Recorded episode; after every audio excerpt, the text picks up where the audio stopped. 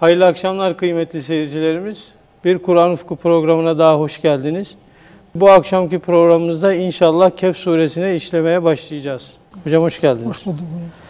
Hocam Kehf suresine geçeceğiz. Yalnız ondan önce ben iki şey sormak istiyorum. Çok kısa vaktinizi almadan. Ee, Birincisi Üstad'ın kainat kitabı üzerinde çok durması. Ee, Kainatı da Kur'an gibi bir kitap olarak değerlendirmesini nasıl anlamak lazım?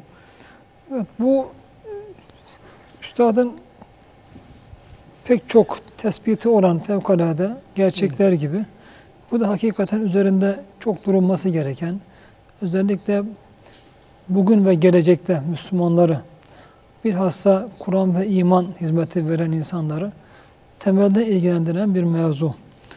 Malum kendisi yine bir yerde Cenab-ı Allah'ı bize tanıtan üç külli muharif vardır Evet. diyor. Eğer Allah marifeti istiyorsak Cenab-ı Allah'ı bize yalnızsız ve tam olarak belki tam olarak doğru mu bilemiyorum da yani mükemmel, en mükemmel başka tanıma kaynaklarına göre tanıtan üç tane külli Allah marifeti kaynağı var ki bunlardan birisi diyor Kitab-ı Kebir-i Kainat. Yani iki tane kitap demek ki kebiri varsa bunun sayılı da vardır. Yani büyük kainat kitabı. Kainat kitabı Cenab-ı Allah'ın bilhassa irade ve kudret sıfatlarından gelen bir kitaptır buyuruyor. Yani baştan sona onun işte hatta çok risalelerde geçer. Mesela yeryüzü sayfasıdır. Onun gibi yeryüzü sayfasında işte hayvanlar mesela cümleleri gibi ifadeler kullanır. İşte gökler e, sahifeleri veya bölümleri bunun gibi e, o kainattan bahsederken çok zaman on zaten ondan bir kitap gibi de bahseder. Ama Zaten kudret kalemiyle yazılmış. Kudret dediniz. kalemiyle Allah razı Evet. olsun. Fakat şu var zaten Kur'an-ı Kerim'de bir manada e, Allah'ın kudret e, sıfatının diyelim neticelerine veya Kadir isminin, Yaratıcı isminin onların tecellilerine ve neticelerine de Kur'an-ı Kerim kelimedir. Evet. Yani kelime sadece e, Kur'an'ın dilinde yazılan nesne şeyler için kullanılmaz. Bizzat Cenab-ı Allah'ın icraatının sonuçlarına, yarattıklarına, hadiselere de Kur'an-ı Kerim kelimedir. Kelimenin kelime manası, sözcük manası e, iz demektir, yara demektir, bırakılan iz demektir. Demek bunlar Allah'ın tecellilerinin neticesi olarak kainattaki her bir şey, her bir hadise aslında kelimedir. Dolayısıyla kainat baştan sona bir kitaptır. Kitaptır. İkincisi e, insan yani kainat bir kitabı kebir, büyük kitap. İnsan ise bir kitabı sayır. Yani Hz. Ali Efendimizin de hani bütün kainat insanda dürülmüştür. Nasıl bir ağaç çekirdeğine Cenab-ı Allah sığdırıyor onu. Bütün yani bunun gibi Cenab-ı Allah kainatta insana sığdırmıştır. İnsan kainatın bir özetidir, bir nüshasıdır, küçültülmüş nüshasıdır.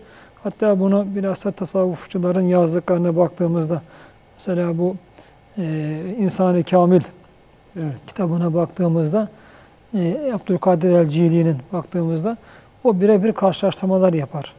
Mesela insandaki zihni fakülteler, muhakeme, düşünme, karşılaştırma yani mukayese veya tasdik, izan, tahayyül, taakkul, hayal gibi. Mesela bütün bunları yedi semaya mesela benzetilir.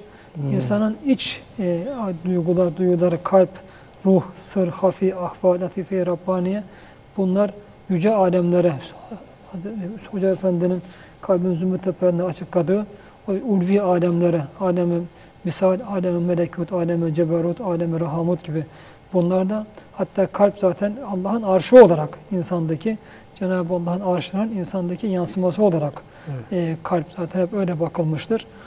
Bunun gibi insandaki mesela saçlara, tüylere, yeryüzünün ormanları gibi, insandaki kan damarlarına yeryüzünün nehirleri gibi. Nehirleri. Yani böyle karşılar zaten bütün hücrelerimiz topraktan geliyor, havadan geliyor, sudan geliyor. O bakımdan yani insan tamamıyla kainatın bir dürülmüş yanıdır. Yani Bunun büyütülse insan bir kainat, ortaya olur. çıkacak. Evet, kainat küçültülmüş insan olmuş.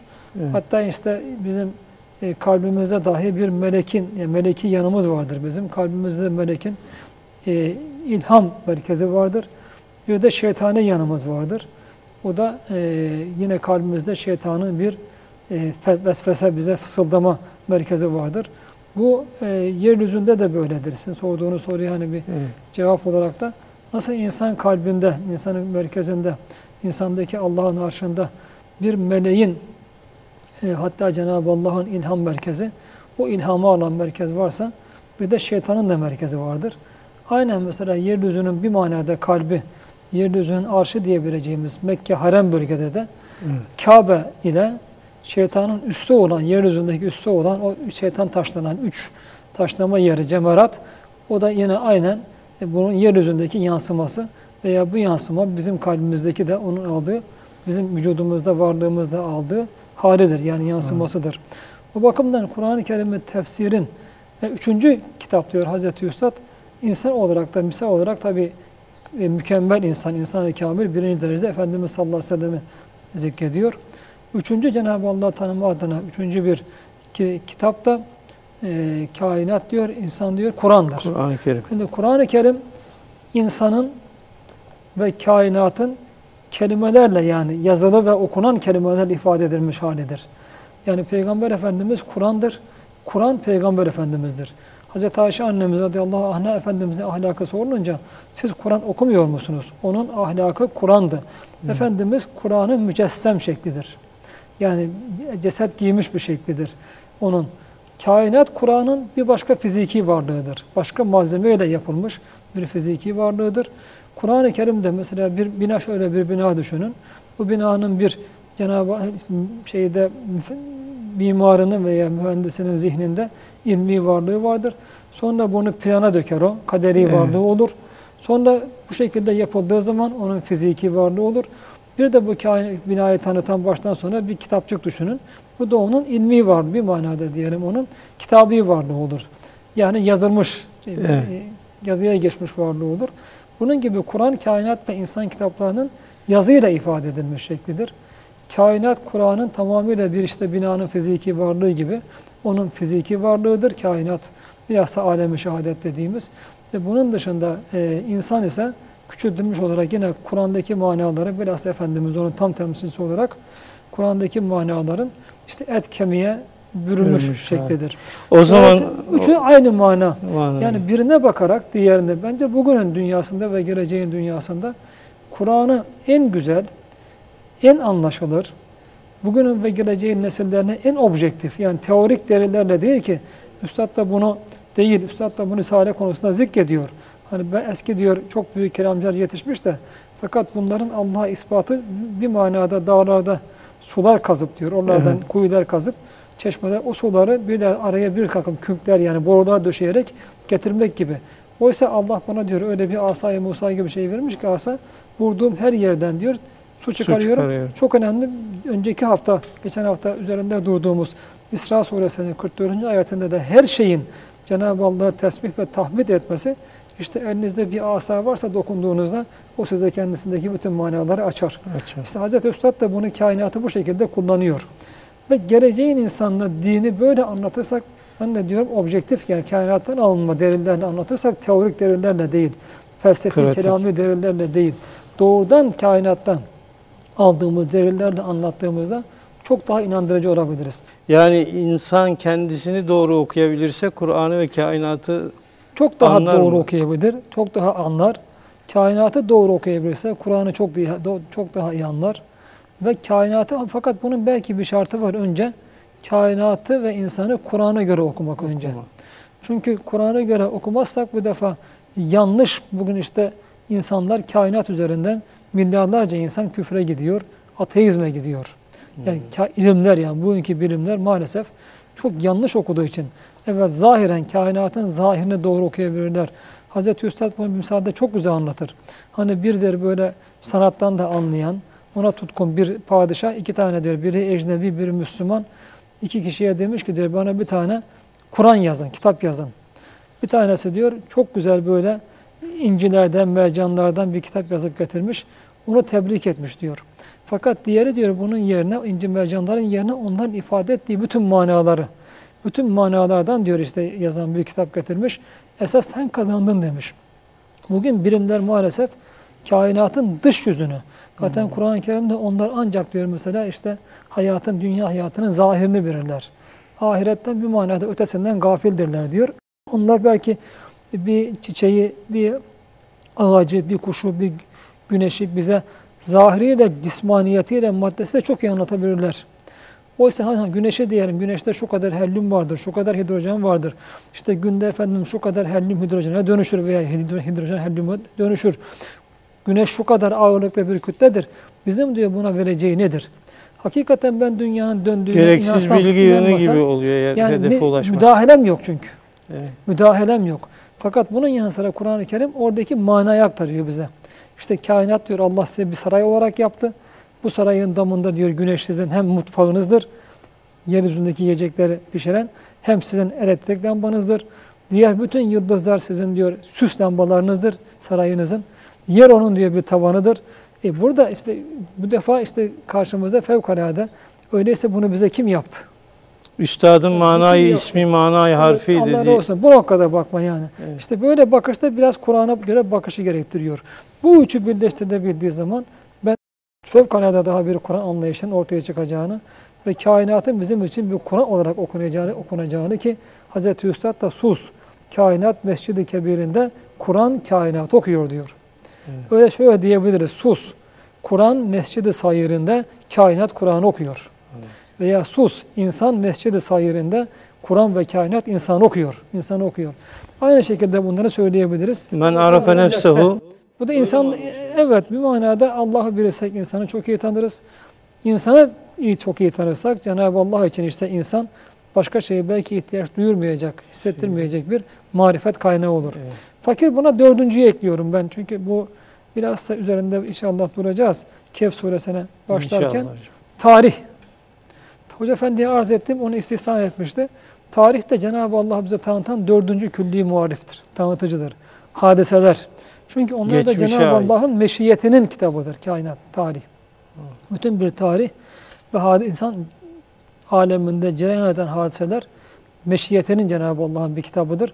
Dolayısıyla tarih de bize Allah'ı kainat gibi, Kur'an gibi, insan gibi tanıtan dördüncü külli muhalif. O zaman Kıssalarda bunu biraz da e, Yani- Kehf suresindeki kıssalarda inşallah bunu biraz daha açmaya çalışacağız. bu Kur'an mevzuyu. kıssalarının Kur'an-ı Kerim'de yekün teşkil etmesinin sebebi hikmeti de bu mu Elbette hocam? yani elbette Kur'an bir yanda e, kainatındaki bütün deliller Allah'ı gösteren ayetler kainatı Kur'an gibi bir Evet. ayet meşleri olarak Allah'ın ayetler meşleri olarak onu tesbih eden ve hamd eden ona yani Allah ne değildir ve ne de sorularına cevap veren bir nasıl kitapsa tarih de aynı şekilde bütün hadiseleriyle bize Cenab-ı Allah'ı tanıtan ayrı bir kitaptır. Bu bakımdan kıssalara da bu noktada bakmak lazım.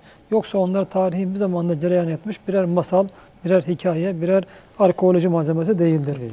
Şimdi burada ben misal arz edecektim. Mesela bunlardan birisi hani fakir e, ben unutmuşum onu. İki sene önce, iki buçuk sene önce e, Mehtap TV'de bir programda hani Türkiye'nin yakın geleceğiyle bazı şeyler orada arz etmişim. Arkadaşlar bugün soruyor. Hocam diyorlar ne bildiniz, onları niye söylediniz falan. Bize de çok soran Ha, var. niye, Nereden nasıl bildiriyor söylediniz? hocam? Şimdi bunda Kur'an'da açık olduğu gibi de şu var. Orada iki tane arz ettiğim misal var. Burada arz edeceğim. Hani kainatın Cenab-ı Allah'ın oradaki kainattaki icraatıyla Kur'an'ı anlama beraber Evet. anlama noktasında. Mesela e, o basit misaldir bunlar ama çok önemli. Ee, şimdi bugün mesela Kasım bir haftadır çok e, sıcak gidiyor. Kasım ayı. Evet. Takvime bakarsan hiç değişmez. Orada yazar ki pastırma sıcakları. Pastırma zannediyorum işte 7-8 Kasım mı ne yani öyle başlar. Pastırma sıcakları diyor. Yani bu şudur yani yaz artık bitiyor. Bu her biten şey bir nihai hamle yapar. Hmm. Yani son bir hamlesi vardır onun. Ölmek üzere olan insan da Fakat o artık onun gibi. ölümü, o hamle onun ölümünü getirir. Hamle onun ölüm, ölümünü getirir. Kış, mesela bizim e, köyde hoşuma gider, annem rahmetli çok söylerdi. Abrul'un beşinden, korkarım kışından, koca öküzü ayırır eşinden. Abrul 18 Nisan. Bakarsanız, yani Nisan'ın 18'i bakarsanız takvimlere sitte-i soğukları der. 6 günlük öküz soğukları der. Veya başka soğuklarda bir de berdün, acüz, koca karı veya ihtiyar soğukları vardır. Bunlar da kışın son hamlesidir artık. Son hamlesidir. Mesela şimdi bu insan hayatına yansır. Ölecek hasta ağır şey hafifler. Hafifler. Evet, son anda bir İyileşti iyileştiği gibi deriz. zannedersin. Hatta geçen de bir bacımızın e, böyle bir rüyasını anlatmıştı. Annesi hasta. Annem ben çok iyileşmiş görüyorum mutfakta falan. Ben diyemedim annen vefat eder buradan kaynaklanarak. Dedim Allah'tan ümit kesilmez. İnşallah iyileşir ama aslında zihnimde yani vefat edeceğine. Çünkü tabirler de böyle tabir eder. Bir hasta iyileşirse öleceğine tabir edilir. İyileşecek hasta ağırlaşır. Ağırlaşır. Rüyada böyle görünürse onun iyileşeceğine şeklinde tabir edilir. Değişmez bu. İnsanda da kainatta da böyledir. Yani şimdi Kur'an-ı Kerim'de baktığımız zaman mesela helak geleceği zaman Kur'an-ı Kerim buyurur ki biz bir milleti helak kavmi helak etmek dilediğimiz zaman oradaki mütreflere emrederiz diyor. Mütref Yani hayatı gaye edilmiş dünya Evet. hayatına. Bugünkü işte iktidar mensuplarında gördüğümüz gibi. Her şeyi artık bütün şeyini hayatı kazanmaya, daha iyi yaşama, daha iyi yaşama. Bunun sonu yok. Sonu olmayınca altı villanız varken bir altı villa, bir altı villa yetmez de saray yaparsınız. Yani çünkü o saray da yetmez. Yarın ömrü olursa daha saraylar yapmaya gidersiniz. Çünkü insanın tabiatında vardır bu. Onun için Kur'an-ı Kerim insanlar için bezenip süslenen şehvetlerden bahsederken altın gümüş para demez de kantar kantar altın ve gümüş der. İnsan biriktirdikçe biriktirmek ister. Biriktirdikçe dünyada daha da aç hisseder kendisini. Doydukça aç, aç bir vadi dolusu altın olsa Allah razı olsun. Hadis-i şerifte buyurulduğu gibi hatta ayet o mensuh ayetlerdendir lafzıyla. Doyurmaz daha fazlasını ister insan ancak toprak doyurur diyor. Şimdi bu da Kur'an-ı Kerim işte bunu beyan buyuruyor yani. İnsan biz onlara diyor bu defa mütref hayatı gaye edilenlere orada diyor emrederiz. Yani onları oraya sevk ederiz. Allah haşa bunları sevk etmez de bu Cenab-ı Allah'ın bir kainatta koyduğu kanundur insan hayatında. Şeriat-ı fıtriyenin bir kanunu. Onlar orada diyor daima fısk işlerler artık. Küsürü kötü kötülük işlerler. fasit Sonra daireye fa- girmiş girmişlerdir. Cenab-ı Allah diyor artık orada onların üzerine azap hak olur ve gelir. Bir başka ayet dairede, ayet-i kerimede biz helak etmek istediğimiz zaman diyor, onlara yerin ve göğün kapılarını açarız diyor. Yerin ve Artık onlar diyor der ki, bizim için dünyada ölüm yok. Yani atalarımız neler çekmişti. Biz artık yani ne kadar rahat durumdayız. Kendilerini sararlar diyor. Sonra Allah'ın azabı apansız geri verir. Nerede geliyor? Zirvede geliyor. Onun için fakir arkadaşlar bazen çok sordular. Hocam bu mevcut şey ne zaman işte seçimler biçimler kazanılacak falan. Hep bu ayetlerden hareketle arz ettim ki Allah zirvede yakalar. Zirvedeyken yakalardım. Oraya kadar Cenab-ı Allah müsaade eder. Müsaadesinin iki sebebi vardır. Birincisi döner mi insan? Vazgeçer dönerin mühlettir. Mühlet. İkincisi Allah helak edecekse süreyi tamamlar. Yani helakı tam, hak etmedikçe tamamıyla Cenab-ı Hak Söz hakkı Cenab-ı Allah kalmasın bir manada. helak etmez, itiraz hakkı kalmayacak yani. Evet. İtiraz hakkı kalmaz. Allah muhafaza hepimize bu tür sonuçlardan. Allah muhafaza buyursun. İkinci olarak eğer Cenab-ı Allah hayır dilemişse, hayır diliyorsa insanlara yine onları sonuna kadar sıkar. İşte ayet-i kerimede buyuruluyor. Önceki ümmetlerin başına gelenler sizin başınıza gelmeden cennete gireceğini mi sandınız? Dünyada davanız adına bir noktaya gelmek istiyorsanız, bir de cenneti istiyorsanız önceki ümmetler gibi sarsılacaksınız. Ne geldi onların başlarına? Be'se diyor, cepheden cepheye sürüklendiler. Bir manası savaştır. Bir manası da sıkıldıkça sıkıldılar. Adeta mengeneler altında ezildiler. Adeta eskiden böyle şeyler oldu, el değirmenleri. Değirmen taşları altında ezildiler. Sonra zarra, her türlü zarara uğradılar. Ne gibi? Bir başka ayet-i kerimede buyurulduğu gibi, mesela malları gitti, çocukları gitti veya dul kaldılar. Ne bileyim ondan sonra makamlarını kaybettiler, korkulara düştüler, açlık çektiler. Allah bunları imtihan edeceğim diyor. Sonra sarsıldıkça sarsıldılar diyor, depremlere sarsılır gibi. Ne zamana kadar? Allah'ın yardımı ne zaman diyecek noktaya kadar. Buraya kadar gelmişseniz diyor, dayanmışsanız Ela inne nasrallahi karib. Allah'ın yardımı kapıdadır artık diyor. Ha demek ki bittik dibe noktasında Cenab-ı Allah bütün kapıları açıyor. Evet. Bitirdik diyenler karşısında bu defa helak ediyor. Fakir bunu bir yazıda arz etmiştim. Zahire aldanmayın. ha, Zahire aldanmayın. Öyle olur ki kendinizi batmaz bir Titanik'te zannedersiniz. Fakat gider Allah karşınıza farkına varmadan siz eğlenirken bir buzdağı çıkarır, batarsınız. Öyle olur ki işte Hz. Musa ve yanındakileri bitirdik derseniz, bitirdik diyen Firavun gibi. Bir anda Kızıldeniz, bir anda Firavun ve orduları artık bundan işini bitirdik dediği, diğerleri de eyvah yakalandık, bittik dediği anda Cenab-ı Allah bir tarafının önüne e, Kızıldeniz'i bir yol olarak Evet, açar, açıyor. diğer tarafı da için aynı yol onlar için helak olur. Dolayısıyla aldanmamak lazım. Aynı şey Hazreti İbrahim'in ateşe Aynen Allah razı atılmasında. olsun. Hep Efendimizin Hendek Savaşı'na sıkıştırılması gibi aynı şey sahabe-i kiramın veya Hudeybiye'de aynı şekilde. Dolayısıyla işte Kur'an'daki bakın bu aynı ayetleri kainattaki Allah'ın aynı icraatını görüyoruz. O bakımdan bize bizatın zannederim İsmail Safa olabilir yine güzel bir sözü vardır. Karar kararabildiğin kadar. Karanlığın son noktası aydının ilk, ilk, ilk, nok- ilk noktasıdır diyor. İnşallah. Allah'ın Kur'an'daki ayetleriyle kainattaki insandaki icraatları değişmez, aynıdır. İkisine de Allah sünnetullah diyor. Dolayısıyla birini diğerinde keşfedebiliriz. Birini anlamazsak diğerine baktığımızda keşfedebiliriz. Bunun Kur'an'da bir de çok açık ayetler vardır mesela bunu. Sadece birini arz edeceğim. Sadece birini çünkü çok fazla ayet var da üzerinde durulması gereken. Ra'd suresinde 17. ayet. Estağfirullah. Enzele mines semai ma'en fesalet evdiyetun bi kaderiha. Öyle anlatıyor ki Kur'an-ı Kerim şimdi benim zihnimde yağan yağmurlar, böyle Evet. onlarla dolup taşan dereler böyle yani e, akla geliyor. Fehtem fehtemele seyrü zebeden rabiya. Ve şimdi Allah buyuruyor ki Allah diyor gökten bir su indirdi. O su çok hususi önemli me'en, nekre geliyor yani. Çok özellikleri olan bir su diyor bu. Çok özellikleri olan, üzerinde durmanız gereken, çalışmanız gereken, kadri kıymetini bilmeniz gereken bir su. Ne oldu bu suyla? Bu defa diyor bütün vadiler, dere yatakları, dereler, ırmaklar hepsi kendi kapasitesine göre diyor. O suyla doldu taştı. O suyla doldu taştı. Fahtemele seyrü zebeden rabiye. O akan sular diyor burada bir de onlar e, kendi üzerlerinde bir de diyor köpük çıkarır. Bakın köpük çıkarır. O kadar manalı ayet ki köpükler ve mimma yuquduna aleyhi fin nar ibtahulletun ev meta'un zebedun müslü. Bunun gibi diyor onların böyle işleyip yani kendilerine süs eşyası yapmak için işledikleri madenlerde de böyle bir köpük oluşur diyor yine. Bakın bir tarafta su akan nehirler ve nehirin üzerinde akan köpük. Diğer tarafta işlenen madenler, işlerken madenler üzerinde oluşan köpük. Ben yani siz takip ediyorsunuz da izleyicilerimizden de dikkat etmelerini hususen Evet. arz ediyorum. Kaçırmasınlar bunu. Çünkü bugünleri anlama adına da çok önemli. Hadiseleri de anlama adına çok önemli. Ve emma ma yenfe'un nase feyemkusu fil arz. İnsanlara fayda veren diyor arzda yeryüzünde kalır. Yeryüzünde fil arz diyor. Yeryüzünde yerleşir kalır. Sökülemez. Üzerinde ader arz demiyor bakın. Mesela Amerika'da Hoca Efendi'nin kaldığı alanda çok yağmur aldığı için bakıyorsunuz uzun uzun çok küçük büyük ağaçlar fakat kökleri şeyin üzerinde, toprağın üzerinde rüzgarlarda devrli devrli veriyor. Fakat böyle değil diyor. Yani bu sabit yerde sabit olarak kalır. Kezalike yezrubullahul emsal. Allah diyor işte bu şekilde misaller verir diyor. Allah bu şekilde diyor misaller verir. Ha, Allah bu misaller niçin veriyor? Hak ve batılı anlama adına misal veriyor. Hak ve batılı anlama adına. Kezalike yezribullahu hakka vel batıl ayette işte Allah evet. diyor hak ve batılı bu tür diyor müsaadeyle size anlatıyor diyor. Anlatıyor.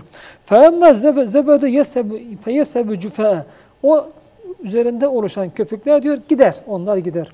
Fakat insanlara diyor işte şey olan faydalı olanlar ise yeryüzünde kalır. Bu o kadar ayetlerle münasebeti olan bir ayet ki aynı zamanda hadiselerle ve kainatta. Bir defa burada neyi bir hak ve batıl. Dolayısıyla vahyi Cenab-ı Allah önce vahyi gökten gelen bir suya benzetiyor. Çok üzerinde durulması gereken, çok önemli. Belki bizim yani peygamberler a- alan dışında künhünü bilemeyeceğimiz bir su bu. Su. Evet. Baştan sona rahmet. Tamamen rahmet. Değdiği yeri yeşertiyor. su, o suyu her vadi, her dere, her ırmak kendi kapasitesine göre alıyorsa her insanda o gelen vahiyden kendi kapasitesine göre faydalanır. Ona göre faydalanır. Şimdi bir taraftan diyor Cenab-ı Allah bu ırmak akarken vahiy gelirken beri yandan fakat bunun yanı sıra diyor bir de onun üzerinde köpük birikir. Sularda köpük birikir. Demek ki bu köpük nedir? İşte bir yandan vahiy alırken bizim atmamız gereken bazı posalarımız vardır. Hı. Posalarımız. Şu var yalnız.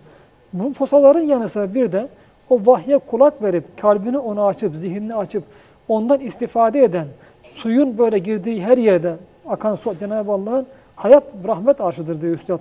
Her yere gittiği yere su hayat taşır yani. Bir manada hayat taşır.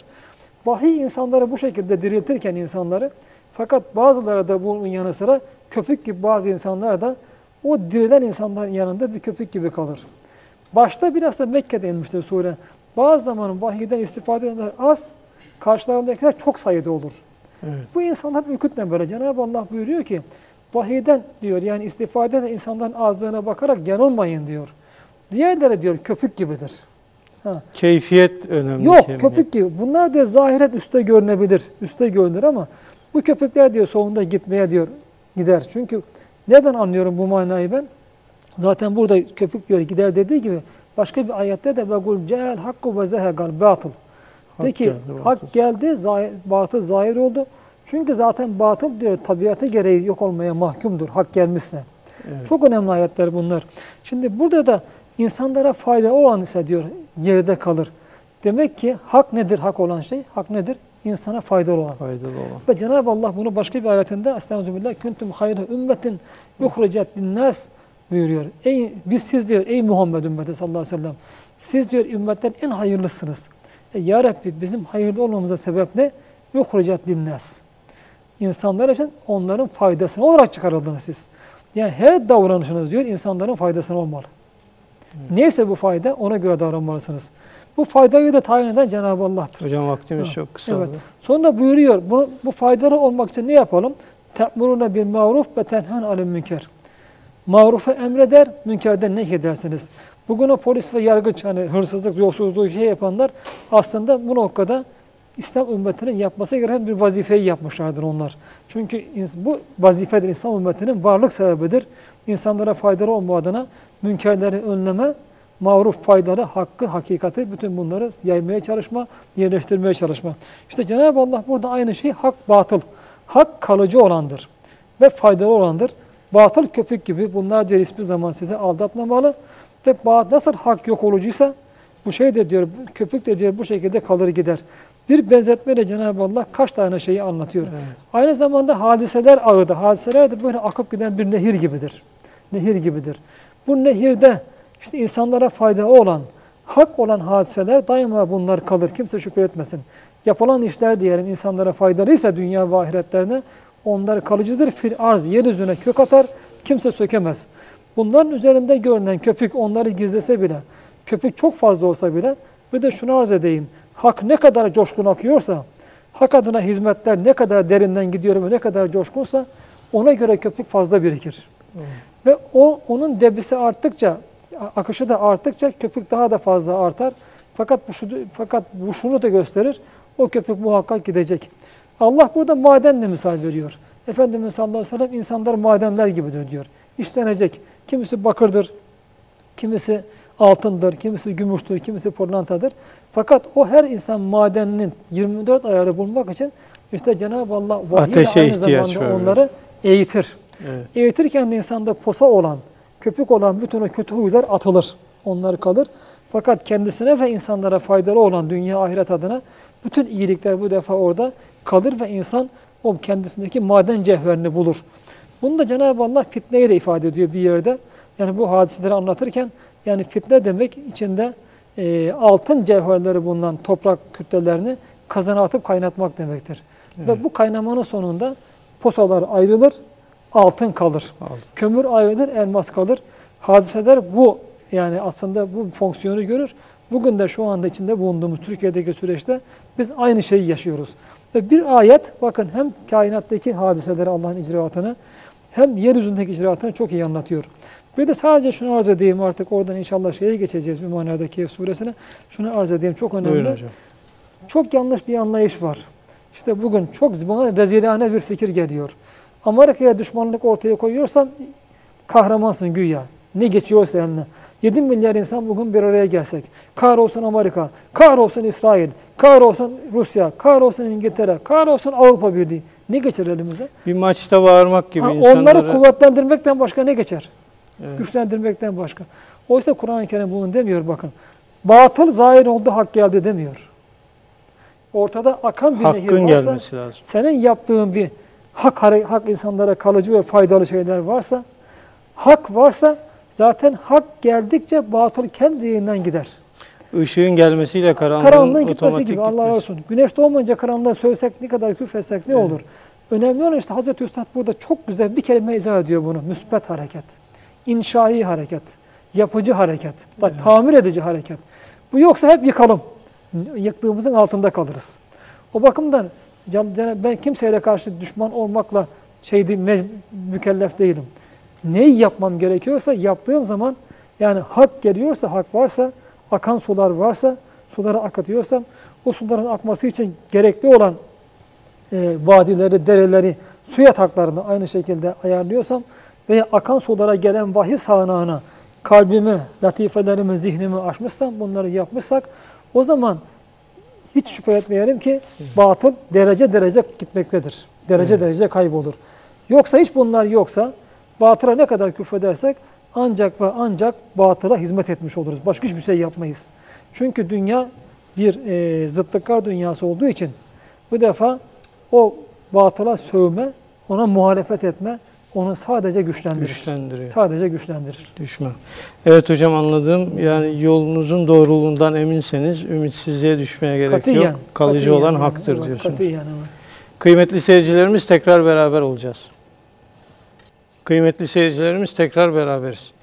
Hocam Kehf suresine geçmeden önce seyircilerimiz de sabırsızlıkla bekliyorlar ne zaman geçeceksiniz diye ama Evet. ben daha önce konuştuğumuz bir meseleyi çok kısaca yine sormak istiyorum.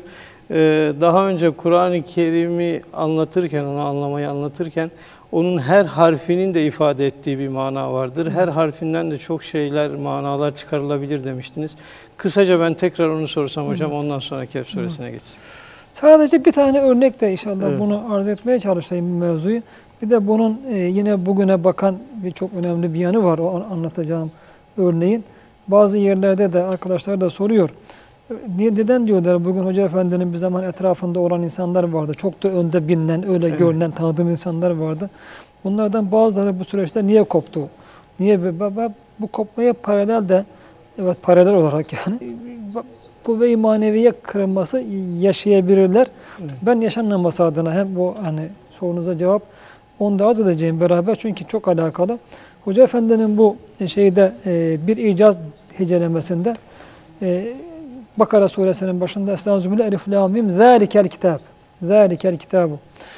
Buradaki bunu açıklarken e, diyor ki buradaki ze diyor yani ze e, makul bir şeyi yani akli olarak bildiğimiz zihni bir hakikati bu defa e, mahsus hale getirir.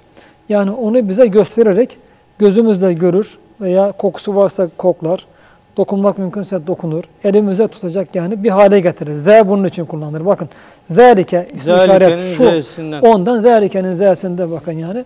Onda böyle bir mana vardır diyor. Lam diyor lam uzaklık ifade eder. Yani bu uzaklık uluhiyet mertebesiyle ubudiyet mertebesi arasındaki. Bir yerde Cenab-ı Allah, bir yerde kul. Arada sonsuzca bir mesafe vardır. Ve lam diyor bunu ifade eder. Kapanması mümkün. Bunu if- kapanması mümkün olmayan mesafe vardır. Şimdi ve ke diyor ondan sonraki ke kef harfi ise muhatap ifade eder. Efendimiz'e veya Kur'an'ın muhatabına seslenir. Şu şimdi kef bunu ifade eder. Şimdi bakın yani zâlike'de e, adeta Kur'an-ı Kerim'in Cenab-ı Allah'tan yani bizim ulaşamayacağımız en yüksek makamlardan aradaki büyük mesafeleri aşarak muhatap olarak Efendimizin kalbine geldiğini anlatan ve bir şey bu. Kur'an-ı Kerim'in de aynı zamanda adeta bir sıfatı gibi oluyor yani. Da baştan Kur'an'ın, o Kur'an harflerinin kaynağını ve hangi mesafelerden bize geldiğini anlatmış oluyor. İkinci burada hem o arz ettiğim niye bazı çok önde görünen insanlar bugün hani düşüyor falan. Ona da çok güzel bir şey var. Ee, burada cevap var. Çünkü o mesafe Efendimizin o e, Cenab-ı Allah'la uluhiyet olan o mesafede Kur'an-ı Kerim aşarak gelirken lem harfinin bir manası da Cebrail denmiştir. Cebrail işaretler. Sonunda Cebrail lamla bitiyor işaretler. O mesafeyi işte e, vahiy getiren Hazreti Cebrail Aleyhisselam getiriyor, Bütün kapatıyor. süreç anlatılmış sanki. Ha, evet onu kapatıyor yani Allah yani o şeyle kapatılıyor. Emin olan, mütain semme emin. Her bakımdan emin olan Muhammed'ün emine yine Cebrail'ün emin, emin olan Cebrail aleyhisselam onu getiriyor ve burada İslam'ın da müminin nasıl emniyet insanı olduğunu da burada yine bir olması gerektiğine onda yalana iftira yer olmaması olmamadı olmadığını yine Kur'an-ı Kerim bu bir elif lam mim zalike dahi bize öğretmiş oluyor. Şimdi bu da şuna mana da var. Demek ki aslında uzaklıkta yakınlık vardır çok defa. Yani o aradaki mesafe Efendimiz'i adeta Cenab-ı Allah'ı dinliyor gibi bir vasıtayla kapatan onu o kadar yaklaştırıyor. Veysel Karani'nin uzaklığı Yaklaştırıyor evet. İşte bazen olur ki bu büyük zatlar, peygamber olsun, büyük asfiya, evliya, evliya olsun fark etmez. Çok defa uzaktakiler yakındakilerden daha çok istifade eder ondan. Yani uzaklık yakınlık sebebi olur. Yakınlık uzaklık sebebi olur. Çünkü ülfet girer devreye. Bir de mesela şimdi şu ışık var burada. Bu ışığa biraz yaklaşsak bu defa gözümüzü alır. Etrafı görmez oluruz. Bizi kör eder. Güneşe yaklaşsak bir defa güneş bizi kör eder. Oysa belli mesafeden güneşten tam istifade ediyoruz. Dolayısıyla hani Hoca Efendi'den uzak olanlar veya işte Peygamber Efendimiz'den 14 asır uzak olanlar çok niye uzağız demesinler. En yakındakiler Ebu Leheb gibi en yakındakiler inkar eder. Hz. İsa'ya e, 12 havariden biri olma şerefine ulaşmış. Yahuda İskaryot gibi biriler 30 kuruşa o peygamberi haşa satar yani. Bu defa ebedi hayatını kaybeder. Ona şey olmuşken Vahiy katiplerinden Vahiy de katiplerinden de evet. Ona havari de olmuşken, havari Evet. olmuşken yani kaybeder. Fakat çok uzaktakiler de o kadar istifade eder ki yakındakilerin istifadesini çok aşabilir, çok çok fazla aşabilir. Dolayısıyla bunu zerkelerde görüyoruz. Yani uzaklıkta yakınlığın ve yakınlıkta uzaklığın olabileceğini görüyoruz. O bakımdan Cenab-ı Allah o mesafelerde Hazreti Cebrail ile arayı tamamen kapatıyor adeta yani yaklaştırıyor Efendimiz'i. Uzaklıkta o e, mesafeyi Efendimiz sallallahu aleyhi ve sellem vahiyle de aşmış oluyor. Cenab-ı Allah'la adeta karşı karşıya gibi, bir muhatap gibi konuşuyor. Çünkü kede de o muhatabı görüyoruz. Bakın Allah ne kadar manayı bize bununla anlatmış oluyor. Ve bir de yani bir soruya da aynı zamanda bugün Evet, mühim bir cevap soruya da cevap teşkil ediyor. normalde yani bu. bir zamir deyip Evet. geçilebilecek. İsm işaret deyip geçiremez, Evet. harf deyip geçiremez. Bu sadece hani Hoca Efendi'nin burada arz ettiği için fakir ve ben naklettim. Mesafeyi sadece naklettim. E, belki o lamda daha ne manalar var. O mimde ne manalar var daha. E, diğerinde ne manalar var. E, bilemez, bilemeyiz onu. Sadece bakın burada belki hani uzayacak mesele ama bazıları kabul etmese de ben inanıyorum buna. Bu e, Muhittin Arabi Hazretleri'nin yine Şiceri-i Numaniye'de Safedi, daha önce hatırlayamamıştım. Safedi şerhinde çok enteresan bir şeye dikkat çekiyor. Bu Hoca Efendi burada arz ediyor bu hurufu mukatta'da. Bunların matematik değerleri de vardır. Bazıları bunu kabul etmiyor. Halbuki kainatın bir matematik şeyi de var. Düzen de var. Geometrik düzen de var yani. Hendesi düzeni var yani bunu. Dolayısıyla her, bir- her bir harfin matematik değeri de vardır. Yani bunu kabul etmemek aslında oradaki kainattaki düzeni bilmemek, hendeseye, matematiğe itirazdır. Yani de olması da Bu gerekir. ebced hesabını mı Ebced kastediyorsunuz? hesabında. Burada elif, lam, mim mesela bunlar elif, lam ve mim e, bunun bir elifin bir, lamın 30, mimin yet- 40, 71 eder. Şimdi bunun yanı sıra bir de elifi mesela elifte elif, lam ve fe vardır. Lamda Evet, lam, elif ve mim vardır. Mimde mim, ya, mim vardır. Bunlarla topladığınız zaman 271 eder. Şimdi bakın çok enteresan bir şey bu. Safedi diyor ki o şerhte 271 hadis-i şerifte buyuruyor ki diyor Efendimiz hadisinde ben düşmanlarımla aramda bir aylık mesafede korkuyla desteklendim. Yani düşmanların bir aylık mesafede dahi benden korkarlar. Aa, Şimdi bu elif lam 271. Hadiste geçen kelime rub kelimesi geçiyor. Rub. Ra 200'dür. Ayın 70'tir. B 2'dir. 272 pardon. Bakın o kullanılan rub da 272. Bu 272 hadisteki 272 elif, la, mimin de değeridir. Buradan diyor ki Safedi, İslam'ın diyor düşmanlarına bir aylık diyor mesafeden korku salması 272 yıl sürecek. Yani 272 yıl diyor Müslümanlar düşmanlarına bir aylık mesafeden korku salar. Bakın ben hadis-i şerifte de yine buyuruyor ki ümmetim istikamet üzere giderse onlar için diyor bir gün var. Gitmezse yarım gün var. Bunu hadisçiler, üstad da öyle tabir ediyor. Çünkü Kur'an-ı Kerim'de bir gün bir ayette bu da çünkü izafi bir şey. Yani mesela güneşin günü farklıdır. Merkür'ün günü farklıdır. Dünyanın günü farklıdır. Dolayısıyla Kur'an-ı Kerim'de bir yerde bir günü bin sene olarak geçer. Bir ayette 50 bin senedir. Alemlere göre gün, günün şeyi değişir, Değişir. yani mesafesi değişir. Şimdi burada demek ki üstad buradan kastedilen ümmet diyor, e, ümmetin istikamet üzere giderse 500, gitmezse 500 yıl, giderse 1000 yıl. 1000 yıl mükemmel geçmiştir İslam tarihinin. Şu andaki 14, 1300 yılın, 1350 yılın, 1000 yılı daha önce de arz etmiştir. Mükemmel geçmiştir bunu gerçekten Evet. yani. hem her Bir de, saat. bu da bunun içinde iki gün ikiye ayrılmıştır yani İslam. Bir, dört Halife Hazretleri Emevi Abbasilerle temsil edilen bir günü var İslam'ın. Bir de Osmanlılarla temsil edilen ki bu arada şey Selçuklar ara dönemi bir, manada temsil eder. Osmanlılarla temsil edilen bir 500 bir de 500 yılı vardır. Bu her iki 500 yıl içinde 271 yıl çok mükemmel. O düşmana korku salınan gündür ki Osmanlılar 1300'de 1299'da kurulmuştur. Allah. 272'yi toplayın 1571 çıkar. 1571 İnebahtı bozgunu bizim ilk Batı karşısındaki mağlubiyetimizdir. Ve tarihler yazar ki yine Bahtı'da Osmanlı donanması tamamen imha edilince Batılılarda Osmanlılar da yenilebilir imajı uyanmaya başladı. Demek ki 272 yıl tam bir korku varken artık 272 yıl sonra bu korku artık zahir olmaya başlıyor. Elif Lam Mim'de diyor bu manada vardır. Ya Elif Lam Mim destekleniyor. deyince bütün bunları demiş oluyorsun. Evet bir manası da bu yani bir mana vardır diyor. İşte Kur'an'ın harfleri yani her bir harfe de bu şekilde bize çok noktalarda her sahada kapı açıyor. Evet hocam müsaadenizle Kehf suresine başlayalım istiyorum. İnşallah, bir başlangıç en azından Evet. yapalım diye. Madem başlayacağız dedik. hemen. Evet bunu ilan ettik biz. Ee, ilk olarak hocam neden Kehf suresiyle başlıyoruz? Neden bunu tercih Evet. ettik? Ben bunu sormak istiyorum. Bu konuda Hoca Efendi'nin yıllar önce e, Kehf suresindeki bu sureyle ilgili bir soruya verilen cevabı var.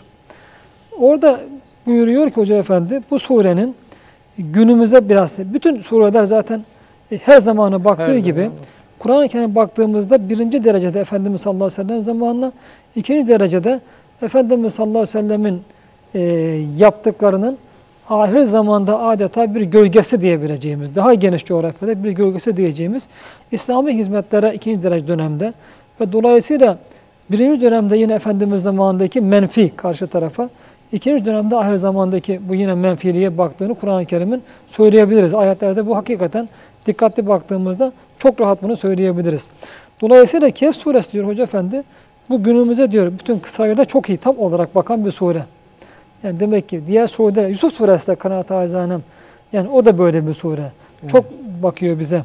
Bunun gibi Kehf suresindeki bazı kıssalar da ahir zamanda bu bütün peygamberlerin ümmetlerini müjdelediği, bu ahir zamandaki İslami hizmetler müjdelediği, bu müjdelenmiş hizmetlerin merhalelerine veyahut da onun boyutlarına bakıyor Kehf suresi. Burada üç kıssa vardır. Bir de e, kıssa olmamakla beraber bir temsili kıssa vardır. Temsil vardır. Dörde çıkarılabilir. Sonunda da en sonunda kıyametten bahseden, Yecüc Mecüc gibi kıyamet alametlerinden bahsedilir. Dolayısıyla Kehf suresi Efendimizin dönemini bütün boyutlarıyla resmettiği gibi o dönemdeki İslami hizmetleri bilhassa Mekki itibar ve daha sonra Mekke'de inmiş ama onun medeni e, döneminde de hangi noktalara ulaşacağını Kehf suresi bize anlatır. Ahir zamanda da yine müminlerin, aynı hizmeti görenlerin nelerden geçeceğini, hangi boyutlar hizmetin kapsadığını bu kıssalarla Kehf suresi bize çok güzel anlatır. Zaten Çok güzel anlatır. bir hadis-i şerifte hocam Allah razı onu da arz edeceğim. evet, İşte bir de bunu bize sevk eden ikinci bir hadis-i şerif var. Bir hadis-i şerif de var. Şöyle buyuruyor. Kehf suresinin ilk 10 ve son 10 ayetini okuyan cuma günleri Deccal fitnesinden emin olur diyor. evet. Demek ki yani hem okumakla okunmakla hem manasıyla Kehf suresi bize bugün tamamıyla fevkalade ışık tutuyor. Işık tutuyor. Bir hususi daha önemi var burada. Evet. Bizim bugünkü dönemimiz e, kanaat ve acizane insanlık tarihinde karanlık nokta olma noktasında, karanlık noktasında Efendimizin dönemi en tarihin cahiliye dönemi en karanlık dönemidir. Ki onun karşısında aydınlatacak o karanlığa paralel Efendimiz sallallahu aleyhi ve sellem gönderilmiştir. Gönderilmiştir. Ona göre aydınlatacak bir ışık hüzmesi olarak Efendimiz gönderilmiştir. İkinci olarak kanaat acizane en karanlık iki dönem Hz. İsa aleyhisselamın geldiği dönem de bugün. Bugünkü dönem Şu andaki. şu anda. Belki bugünkü dönem yoğunluk olarak ahir zaman denilen bu son dilimi yoğunluk olarak o kadar olmasa bile bütün dünyayı kapladığı için, bütün dünyayı kapsamını kaplaması noktasında bugünkü karanlık son derece e, yani tehlikeli karanlık ahir zamandaki son dilimindeki ahir zamanın. Bundan dolayı bu dönemde çıkacak İslam karşıtı tamamen din karşıtı harekete veya akıma hadislerde e, deccaliyet ve süfyaniyet olarak ifade ediliyor. Bir hadiste bütün peygamberlerin ümmetlerini bu deccaliyetle korkuttuğu beyan buyuruyor. Bütün, Bütün, peygamber. peygamberlerin istisnasız. Bir de bütün bu peygamberlerin ümmetlerini Peygamber Efendimizin gelişiyle bir de ahir zamandaki deccaliyet karşısındaki o karanlığı ışık tutacak nurla, nurla, Risale-i Nur'un neden Nur Risalesi ismini taşıdığını buradan da çıkarabiliriz. Ya nurla o ışıkla diyelim ahir zamandaki İslami hizmetlerde yani müjdelediğini. Demek ki peygamberlerin de bütün peygamberlerin ve Cenab-ı Allah'ın nazarında içinde yaşadığımız dönemin karanlık noktasında ikinci derecede bir hususiyeti var.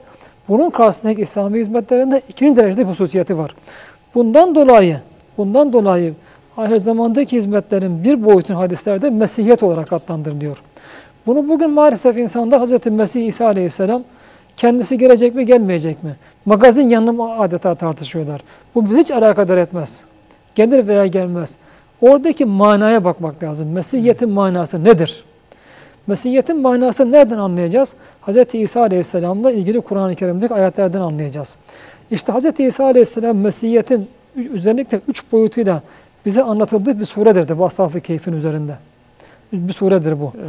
Yani bir manada ahir zamandaki o bir boyutuyla Mehdiyet, Hidayet hareketi. Bir boyutuyla Mesihiyet olarak adlandırılan bu ahir zaman ve bütün peygamberlerin ümmetlerde müjdelediği hizmetlerin bu surede de aslında ana boyutlarını görüyoruz biz ilk Ashab-ı Keyf kıssasında. Evet. O bakımdan da hani bu e, Ashab-ı Keyf ve Keyf suresinin bizim için taşıdığı son derece önemli bir ehemmiyet var. Ya bu sureyi anlayabilirsek günümüzü daha iyi Çok okuyabiliriz. her bakımdan anlayabiliriz. İçinde bulunduğumuz hadiseler, yapılan hizmetin bütün özel hususiyetleri, özellikleri, bunun boyutları, merhaleleri her yönüyle bunu çok rahat bir şekilde anlayabiliriz. Bunun karşısındaki cereyanlar da çok rahat bir şekilde anlayabiliriz. Yani ve, ve bu cereyanlarla münasebetlerimizin nasıl olması gerektiğini ve bu yolun merhalelerinin nasıl aşılması gerek aşılabileceğini de bu sureden çok rahat bir şekilde çıkarabiliriz. Buradan da müsaadenizle son olarak Hocam herhalde- şeyi sorayım unutmadan ben. Evet. Yani bütün peygamberlerin Deccal'a karşı uyarması ümmetini ben ilk defa duydum. Evet, Bu, vardır. evet. e, Deccal te- fitnesinin tehlikesinin boyutlarını mı gösteriyor? Ya biz biraz hafife mi alıyoruz bu Yani tehlikeyi? bakın bu tabi Ver Asr suresi İmam Şafii Hazretleri buyuruyor ki hani Kur'an-ı Kerim'in yine Hoca Efendi burada bazı başka ayetlere de misal veriyor. Mesela Kuzul affe ve bil orfi e, verza anil cahilin. Yani af yolunu tut. Daima maruf olanla insanlara Evet. emret. Cahillerden yüz çevir. En kısa manası. Bu ayette diyorum ahlakın bütün şubeleri vardır. Öyle mesela. Aynı şekilde innallah ye'muru bil adli. Hutbede okunan aynı Evet. şekilde belki Kur'an'ın tamamını anlamaya yeter. İmam Şafii Hazretleri de Vel Asr suresi için Kur'an'da hiçbir şey inmeseydi diyor İslam adına bu sure yeterdi. E, İmam Şafii gibi biri işte Evet. anlıyor ki onda Kur'an'ın tamamını görüyor. Şimdi asr demek aslında ikinci dönemi diyor Efendimiz aynı zamanda. Ahir zamanın bu son içinde yaşadığımız son dilimidir. Nasıl ikindi günün son zamanıysa son dilimi. Asrın kendi manası yoğunlaşma demektir. Yoğunlaşmış. Onun için Kur'an-ı Kerim musirat. Yani e, yağmur yüklü o bulutlara, kapkara bulutlara musirat der. Demek buradan şunu anlıyoruz. Ahir zamanın son diliminde, son diliminde ve Asr suresinin bize en fazla belki ışık tuttuğu, tutacağı bir dilimde hadiseler çok yoğun yaşanacak. Yani fizik kaidesi gereği zamanın da çünkü bir hızı var, bir varlığı var. Nasıl gökten atılan bir cisim yere düştükçe hızı artar bunun. Bunun gibi aynı şekilde zaman da kıyamete yaklaştıkça hızlanıyor. Çok hızlanıyor. Günümüzde e, bir senede yaşananlar geçmiş tarihte belki 500 senede yaşanıyordu. Üstad da seri seyir olan bu zaman Zaten evladına... hadis-i şerifte Hoca Efendi yazısı da vardı. Tekarrub zaman, tekarrub mekandan. Nasıl mekan birbirine böyle yaklaşacak? Zaman da bu derece yoğunlaşacak yani. Kesafet kaybed- kaydediyor. Hadiselerin en yoğunlaşma zamanı bu dönem. Öyleyse bu zamanda önceki bütün dönemlerde yaşanan belki bütün zulümler, karanlıklar, bütün e, dareyat akımları, fırkaları hepsi ortaya çıkacağı gibi bunların karşısında da bunların durabilecek, o karanlıkları aydınlatabilecek bir şey olmalı ki. Yani işte buna hem o deccal fitnesi karşı kutbuna hadislerde böyle buyuruluyor. Bütün peygamberler korkutuyor öneminden dolayı. Bunun karşısındaki hizmetleri de hepsi müjdeliyor öneminden dolayı. Bir de şu var. Bu dönemde hiçbir zaman dünyanın hiçbir döneminde belli bir e, medeniyet, belli bir kültür, belli bir diyelim inkar fırtınası dünyanın tamamında etkili olmamıştır. Ama bugün bütün dünya hemen hemen aynı diyelim bir şeyin medeniyetin, aynı kültürün etkisinde, bir materyalist kültürün etkisinde bugün bütün dünya. Ve bunun karşısında hiçbir dünyanın hiçbir döneminde de Efendimiz evrensel, ondan önce hiçbir peygamber evrensel gönderilmemiş. Bütün zamanlara, bütün mekanlara, bütün kavimlere gönderilmemiş. Efendimiz sallallahu aleyhi ve sellem öyle gönderilmiş. Fakat Efendimiz'den sonra bu zamana kadar İslam hiçbir zaman dünyanın her tarafına taşınmamış. İşte ahir zamanda o deccaliyetin karşısında İslam'a hizmet verenler dünyanın her tarafına İslamiyet'i taşıyacakları, bir hadis-i şerifte buyurulduğu gibi güneşin doğup battığı her yere İslam gireceği, yine bir hadis-i şerifte buyurulduğu gibi her eve İslam gireceği için bunun Allah katında o kadar önemi var ki, o önemi var ki Osmanlı Dolayısıyla bile Avrupa'nın olmamış, olmamış. Hatta belki bir Almanya, Fransa, İngiltere'de tek Müslüman dahi yoktu belki yani. Bırakın milyonlarca Müslüman namaz kılan Müslümanın bulunmasını, ezanların okunup diyelim camilerde namaz kılınmasını, oruç tutulmasını. O bakımdan bu zaman o vakıda bizim için çok büyük avantajlar da getiren bir zaman. Ve dünyanın çapında verilecek hizmetler sebebiyle, önemi sebebiyle de bütün peygamberler ümmetlerini müjdelemiş. Dolayısıyla Cenab-ı Allah böyle bir zamanda bize getirdiği, bir de bu hizmetleri tanıttığı için ne kadar ne kadar şükretsek, hamd etsek bu o kadar azdır. Böyle bir önem var. İşte buradan bir de kıssaların önemi var. Evet. Burada bize çok son derece önemli.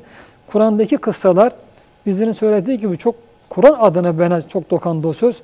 Yani hadiseleri Kur'an'a göre yorumlamaya çalışmayı bir kehanet veya böyle bir e, arkeolojik malzeme, arkeolojik kazı yapma gibi. Kur'an-ı Kerim haşa bir arkeoloji e, geç, geçmişte kalmış, yerin altına inmiş bir malzeme değil.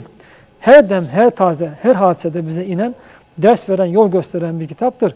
Kıssalar, Kur'an'daki bütün anlatılan kıssalar insanlık tarihinde hadiselerin cereyan ettiği, aktığı vadilerdir. O hadiselerin birer fıtrat, birer şablonudur. Onları bize her bakımdan tanıtan birer model, model hadiselerdir. O bakımdan bütün insanlık tarihindeki bütün olup bitenleri Kur'an'daki kıssalara hangi kıssanın hangi yönü ona baktığını gördüğümüzde o hadiseleri şey, herhangi bir yanlışlık yapmadan çok rahat manalandırabilir, yorumlayabiliriz. Yani belki bu Kehf suresindeki kıssaya sahabe dönemindeki insanlardan daha fazla ihtiyacımız var diyebilir Çok miyiz? daha fazla ihtiyacımız var. Bir de sahabenin orada onun Kur'an'ı anlaması, özünü anlamasına kimse yetişemez. Evet. Fakat bir de şu vardır kemiyet noktasında belki bizim ondan çıkarabileceğimiz manalar. Çünkü ya fiili bugün on daha geniş coğrafyada yaşıyoruz. Çok daha geniş coğrafyada yaşıyoruz. Daha geniş boyutlarda yaşıyoruz. Kemiyet noktasında daha öte manalar oradan çıkarabiliriz, anlayabiliriz. Herkes de her dönemde dönemin şartlarına göre diyelim ondan hissesini ona göre alır. Bu sabah saatlerinde muhterem Fethullah Gülen Hoca Efendi'nin mübarek ve muhterem kardeşi gerçekten mümtaz bir insan, mümtaz ailenin o mümtaz fertlerinden Sıbatullah abimizin vefatını üzüntüyle haber aldık. Kendisine Allah'tan e, sonsuz rahmet ve başta Hoca Efendi Hazretleri olmak üzere diğer kardeşlerine, bütün yakınlarına ve sevenlerine sabrı cemil niyaz ediyorum. Allah merhumu mağfiret buyursun ve Firdevsi'yle inşallah şereflendirsin. Geride kalan herkese de sabrı cemil nasip etsin. Kıymetli seyircilerimiz bugün bize ayrılan sürenin sonuna geldik. Önümüzdeki hafta Kehf suresiyle huzurlarınızda olmak üzere. Hoşçakalın.